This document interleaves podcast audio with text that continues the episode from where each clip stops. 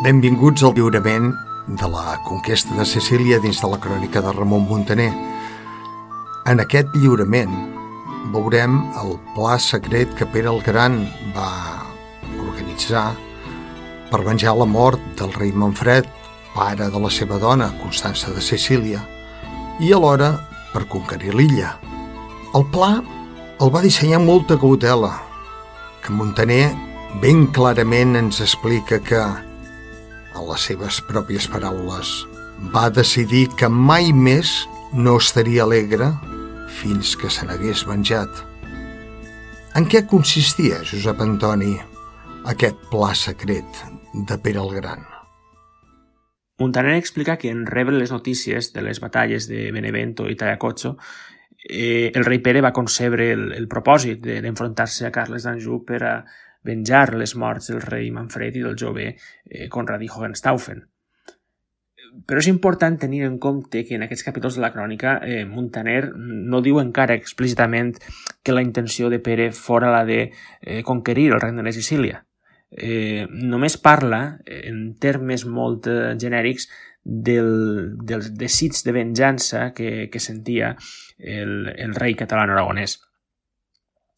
En tot cas, eh, la crònica explica que mm, per a dur a terme aquesta venjança, eh, el rei Pere va pensar eh, sobretot en tres coses. En primer lloc, eh, aconseguir aliances amb altres reis i prínceps que eh, li pogueren fer eh, costat arribat a l'hora. En segon lloc, actuar amb un secretisme total perquè ningú pogués eh, ni tan sols sospitar quins podien ser els seus projectes i, eh, en tercer lloc, eh, aconseguir els recursos financers eh, necessaris per poder dur a terme la seva eh, campanya contra l'Anjou. Bé, d'aquests tres punts, eh, en els capítols que ens ocupen ara, Montaner es fixa sobretot en el, en el primer, és a dir, en el front eh, diplomàtic, en el de les aliances. Eh, I ens parla, per exemple, del, del viatge que, que Pere va fer a la cort del rei de França, Felip eh, III eh, l'Ardit. Segons Montaner, eh, durant eh, aquell viatge, eh, el rei francès i el català eh, es feren grans mostres d'amistat i eh, acordaren una, una aliança militar eh, contra qualsevol eh, possible enemic. Després d'això, segons Montaner, eh, el rei Pere va aconseguir també el, el suport eh, del rei de Castella, Alfons el Savi, i del seu fill, eh, l'infant eh, Sans. I encara, eh, poc després, eh, el rei de Granada eh, va enviar una ambaixada al rei d'Aragó per a demanar-li una, una treva, una petició que eh, el rei Pere va, va acceptar. Eh, així doncs, eh, amb aquests tres moviments, eh, el rei d'Aragó va neutralitzar qualsevol eh, possible moviment per part dels seus eh, poderosos eh, veïns i, i es va sentir en mans eh, lliures per poder dur a terme eh, els seus plans de venjança. Quin paper hi va jugar la seva dona, Xavier? doncs un paper semblant al que va jugar la dona de Carles d'Anjou perquè es decidís a ser rei de Sicília. Eh? eh? Tal com ho explica Montaner, eh? eh és la història de Chercher la fam. Eh? Constança burxava el seu marit perquè es vengés de Carles d'Anjou, vengés la mort del seu pare, del rei Manfred, i perquè recuperés Sicília. Eh? I la, la relació quotidiana entre marit i muller, segons l'explicació que sentirem avui de Montaner, el va impulsar a tramar aquesta venjança.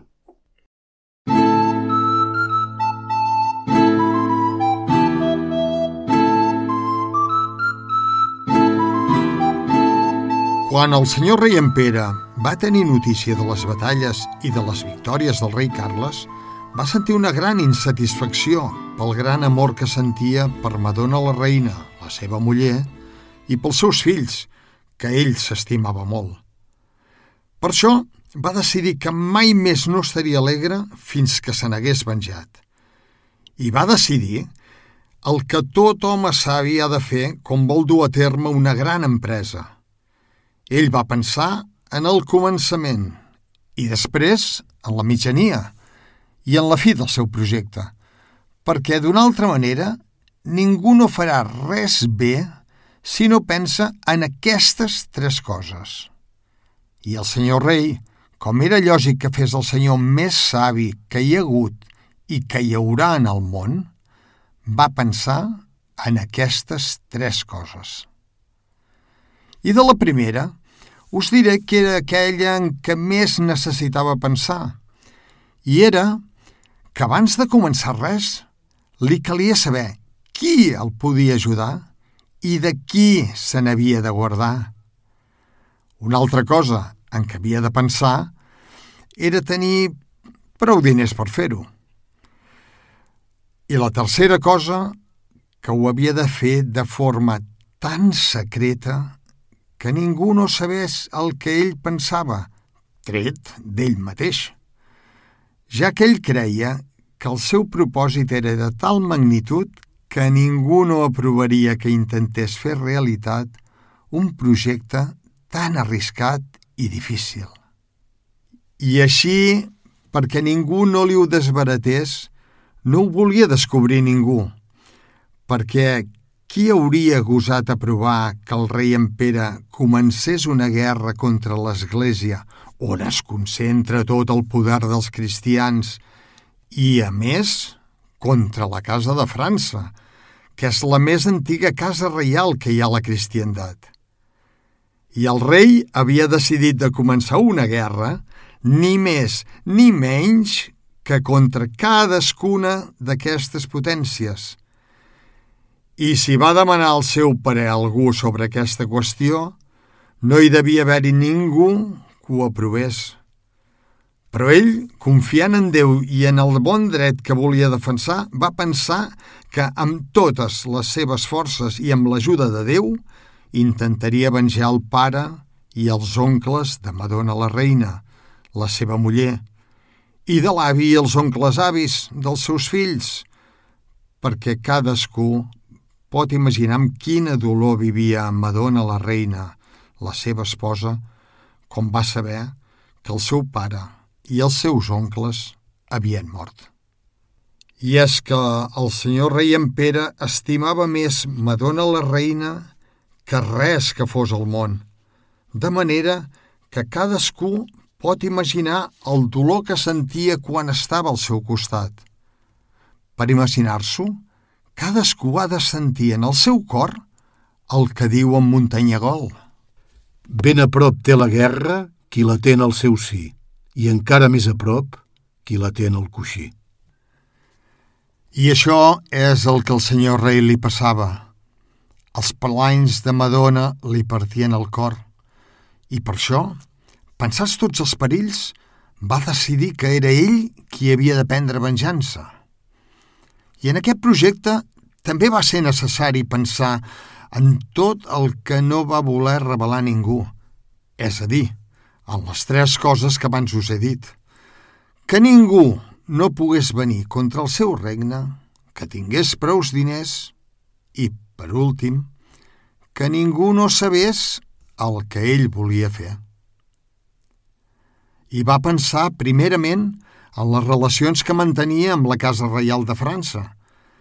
Aleshores, va recordar que, quan era encara príncep, i el seu pare encara era viu, va anar un hivern a França per veure el rei i la reina, la seva germana, que ell s'estimava molt. I va pensar que, si ara hi anava l'hivern, no perdria el temps ni faria falta la seva presència a la frontera amb els serraïns. Perquè a l'hivern els serraïns no poden guerrejar de tan mal armats i vestits com van. I també perquè temen el fred més que l'altra gent del món. I per això se'n van a França. I quan hi va arribar va ser rebut amb gran honor i goig i amb gran alegria pel rei de França i per la reina. I allí va passar ben bé dos mesos amb gran plaer i satisfacció i va disputar justes cavalleresques, va tirar taulat i va lluitar amb els cavallers i els fills dels cavallers que l'acompanyaven i amb molts comtes i barons de França que lluitaven per amor d'ell i pel seu honor. Què us diré? Tanta d'amor hi havia entre el senyor rei en Pere i el rei de França que tots dos van combregar compartint la mateixa hòstia consagrada i van jurar i es van prometre que mai l'un no es posaria en contra de l'altre per res del món sinó que s'ajudarien l'un a l'altre i es protegirien lluitant junts contra tothom. L'amor entre tots dos va ser tan cordial com ho pot ser entre dos germans, que jo, en persona, vaig poder veure com el rei de França, en les seves celles de cavalcar, portava a quarters l'insígnia del rei d'Aragó com a senyal d'amor a ell, i en l'altre quarter l'insígnia de les flors de lis. I així mateix ho feia el senyor rei d'Aragó. Després, el rei d'Aragó se'n van tornar, molt satisfet del rei de França i de la reina, la seva germana.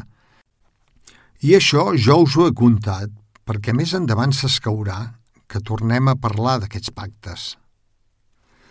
Ara deixaré de parlar d'aquesta qüestió i tornaré als afers que van passar al senyor rei en Pere, que es va recordar del pacte de bona germandat que hi havia entre ell i el rei de França, i va creure que no havia de temer res de la casa de França i que cap atac no li podria venir d'aquella part contra res que fos seu en virtut del jurament i del pacte que els agermanava. I així mateix, per la relació tan estreta que hi havia entre ells i també perquè tenien fills que ja eren grans i que, més, eren els seus nebots. I vet aquí per què va sentir-se segur de la casa de França. Mentre el rei en Pere estava concentrat en aquests pensaments, el rei de Mallorca es va entrevistar amb ell i se li va queixar de moltes injustícies i arbitrarietats que el rei de França li feia a Montpeller i a les terres dels voltants. De manera que tots dos van enviar missatges de queixa sobre aquests problemes i aquestes injúries al rei de França. I el rei de França, com que tenia moltes ganes de veure sobretot el rei d'Aragó, els va fer saber que ell aniria a Tolosa i que ells es preparessin, que allí es veurien, però que, si ells volien que anés a Perpinyà o a Barcelona, que en honor d'ells hi aniria.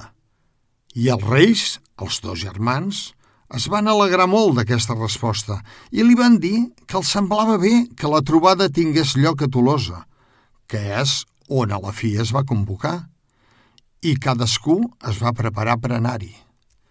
I el rei Carles, com va saber que aquesta reunió havia de celebrar-se, va enviar el seu fill, que aleshores era el príncep de Taren, i que després de la mort del rei Carles va ser rei, a parlar amb el rei de França per demanar-li d'acompanyar-lo en aquesta reunió. I això ho va fer perquè no hi havia ningú al món de qui el rei Carles tingués tanta por com del rei en Pere d'Aragó. Per això també va demanar al rei de França, que era nebot seu, que que ell dirigís de tal manera la reunió que no fos possible tenir cap mena de por en res del rei d'Aragó.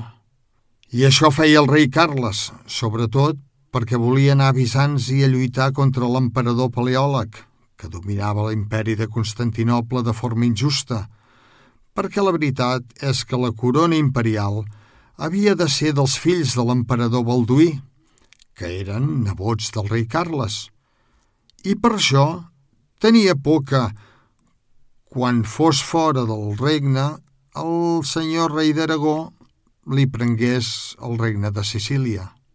Què us diré? Tots tres, és a dir, els dos reis i el príncep, van anar a la reunió – i si mai hi ha hagut una trobada feta amb gran alegria i molta satisfacció entre els reis i senyors, va ser aquesta. Però, per res del món, el príncep de Taren no va poder aconseguir que el rei en Pere d'Aragó li fes bona cara ni li digués una paraula amable, sinó que sempre estava amb ell molt enfadat i irat. Tant que el rei de França i el rei de Mallorca van demanar un dia a la seva cambra al senyor rei d'Aragó com podia ser que ell no parlés amb el príncep de Taren, que prou bé sabia ell que li era parent carnal, perquè era fill de la seva cosina, la filla del comte de Provença. I per altra banda, tenia com a esposa la seva parenta carnal, la filla del rei d'Hongria. Així que hi havia molts lligams entre ells dos. Però, a la fi, amb ell no van poder aconseguir res. I tot i que el príncep va convidar el rei de França, el rei en Pere i el rei de Mallorca, el rei en Pere no ho va voler acceptar, de manera que la invitació no va servir de res.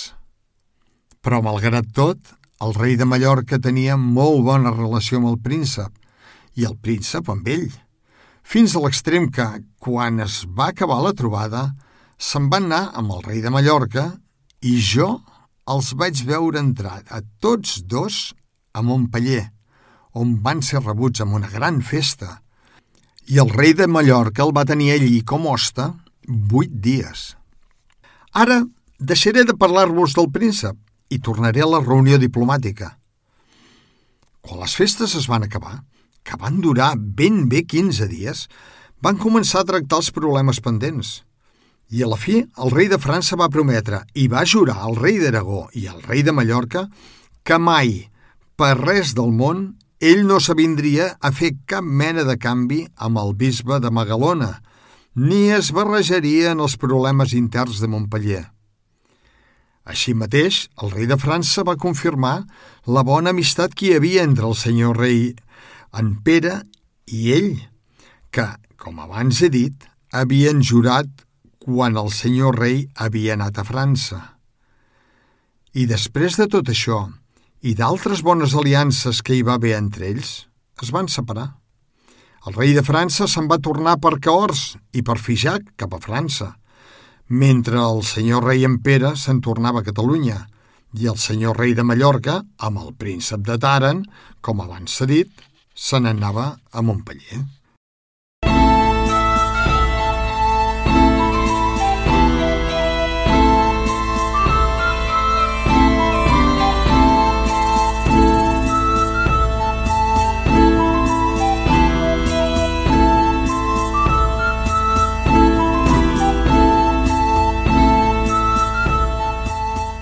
La gravació que acabeu d'escoltar s'ha enregistrat al Laboratori de Fonètica de la Facultat de Lletres i a l'Estudi de Ràdio de la Facultat de Turisme de la Universitat de Girona.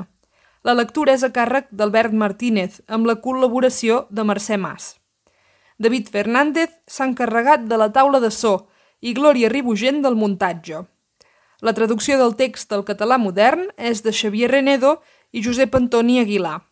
La gravació ha comptat amb el finançament de la Institució de les Lletres Catalanes, la Diputació de Girona i el Grup de Recerca de Literatura Medieval de la Universitat de Girona.